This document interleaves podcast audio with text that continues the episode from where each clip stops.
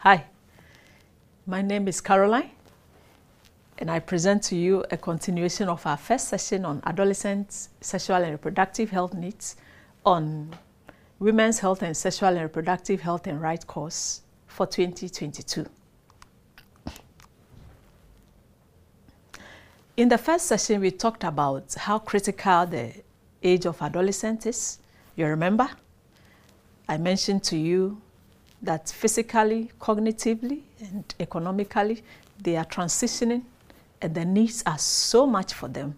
Meanwhile, the gap, the waiting period from uh, protection to autonomy is so wide, they are grappled with so many challenges. So today we'll look at why the challenges that I mentioned to you in the first session. There have been several interventions, like I told you earlier. I mentioned some in the global world and I mentioned some in Ghana. Let's look at this together. This is a graph which shows the causes of death among adolescents. And the graph, I would want you to look at the first part, which is for age 10 to 14 years, and then the second part, which is for age 15 to 19 years. Remember, I told you the age of definition for adolescents is from 10 to 19 years. So let's look at the cause of death. On top there, we for 10 to 14 years, we have males, and then beneath we have females. You notice that the top cause of death among the males are what? Road injury and what? Drowning. However, when you come to the girls, we are talking about the females, we are talking about HIV, preceding road injury. When you come to the 15 to 19 years, the cause of death, we have road injury for the males being the number one. And when it comes to the females, we are talking about what? Maternal conditions. And these are young girls aged 10 to 19 years. So if you are talking about HIV for the younger age and then maternal conditions for the upper age group, an indication that one, they have been what unprotected sex among them, they are getting pregnant, they are not getting the care they need, and perhaps something went wrong. So we are losing them to maternal conditions at that early age. So the challenge here is that it's been proven in research and in surveys that adolescent girls who are 15 to 19 years are having first sexual activity by age 15. And this prevalence is increasing. So, for example, in a survey in Ghana, you realize that from 7.3% in 1998, it increased to 11.8%. That's quite a significant increase for young people who have had sex by age 15. And the survey also proved that though they have high knowledge, they are aware that contraceptives could save them. The knowledge is there, but the number that are using it are quite few. And when it comes to the few adolescents who were married, and within this age group, only about 6% of them are having are using contraception, an indication that, well, they may not be empowered to do so or there, there's a problem somewhere. They are so vulnerable that might find themselves in helpless situation that though they have the knowledge, they can't even use it, though they are married. So the challenge is that the reproductive health services and contraceptives, such as safe abortion, okay, and then counseling services, are limited among this age of adolescents. And the challenge is that I mentioned to you in session one that the context is a big difference. So for some contexts, access is further burdened by what? Provider bias, where the providers might not be equipped with the skill. So they come in and they don't know what to do with them. And then there may also be stigma, where an adolescent who is curious enough to know more about contraceptive is seen as what? Being a bad girl or a bad boy. Or where they can have access, the distance is so wide, they are discouraged from going. And some might lack knowledge about availability of the service or the service itself. Let's look at it. These are work that has been done in Ghana.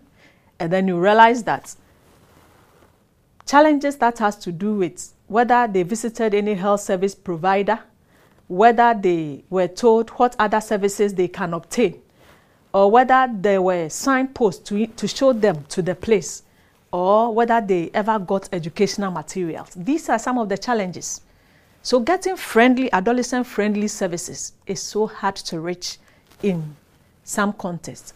And then when it comes to health literacy, facility characteristics, appropriateness of the service, provider attitudes, equity, I mentioned that to you earlier as a term that you should handle when it comes to adolescent health, and non-discrimination. You realize that some of them suffer discrimination when they go to the facility. You are not old enough. What are you doing here? Also based on the fact that the service personnel might not be trained or might be handicapped in handling such issues. And also when it comes to counseling services, adolescents shy away from the right source of information. So some, you realize the majority of them will tell you they got their information from their friends. But these are stakeholders that we can consider as midwives when we have to do any intervention for adolescents. Okay? At least in this study, some mentioned that they got the counseling services from their parents, some from the health worker, some from the media, some from the health facility, and some from the school. Be mindful of the fact that not all of them may be in school in some context, so we have to think of other intervention for out of school adolescents. So these are to present to you some stakeholders that you might want to engage when you are planning for adolescent health. And then the other challenge, which is the health system challenges. In some contexts, the human resource is inadequate, so the facility is there, but we don't have enough people. One comes in the morning, one comes in the afternoon, no one is there in the night, in the evenings. Meanwhile, the adolescent goes to school the whole day, comes back, has to do some work in the house, and is available for such a service later in the evening, and there is no health worker to do that. And there might be logistic shortage, logistical shortages. They need contraceptives. Funding will provide it for some years, and thereafter there is shortage. So they come, they can't get it again, and then the next time they are doing their own things. So when it comes to the health of adolescents, their needs are very varied. And like I mentioned earlier, it's a critical stage. So the time, it is time bound. The time within which to meet them is so limited. And these challenges can be affected by their age. So in planning for them, the younger adolescent versus the older one, like I presented, 10 to 14, 15 to 19. And then their sex. The challenge of the female might be different from the male. You should have all these things in context. And also we have education. The educated adolescent might have different needs from the uneducated adolescents, and you might want to plan for them differently. The socioeconomic status. An adolescent that comes from a poor background will have different needs from one from what? A rich background. And then rural-urban dynamics also present unique challenges. The adolescent from the rural area will have a different challenge from one from the urban area. And the cultural environment, and then the vulnerable groups. So the cultural environment, you can think of what are some cultures in your country or in the area where you live, the tribe you come from. These are barriers and these are differences among adolescents that must all be put into planning for them. We could have vulnerable groups, we have disabled one, and some that may have different sexual preferences in the context in which we are. How do you plan for them? So for adolescent intervention, these are some areas that you might want to consider, especially harmful traditional practices, and then emergency services in humanitarian crisis. For some contexts, there is no uh, planning, so things happen out of the blue. There is flooding, and we are saving people. And who pays attention to the adolescents? Who pays attention to their hygiene practices in such a circumstances? And then the mental health needs. In addition to that, safe abortion, violence prevention, and all that are areas that you might want to consider. So to conclude, adolescents' health is very critical. Their needs are very diverse and limited. And failure to provide these needs can be very costly. I mentioned that you give $1 intervention, you, you reap about $10 in return. What happens if this $1 is withheld? Your guess is as good as mine. So health systems must properly equip nurses and midwives to be able to take care of adolescents to help us attain most of these global targets. So let's conclude with a reflection on these questions. Let's discuss.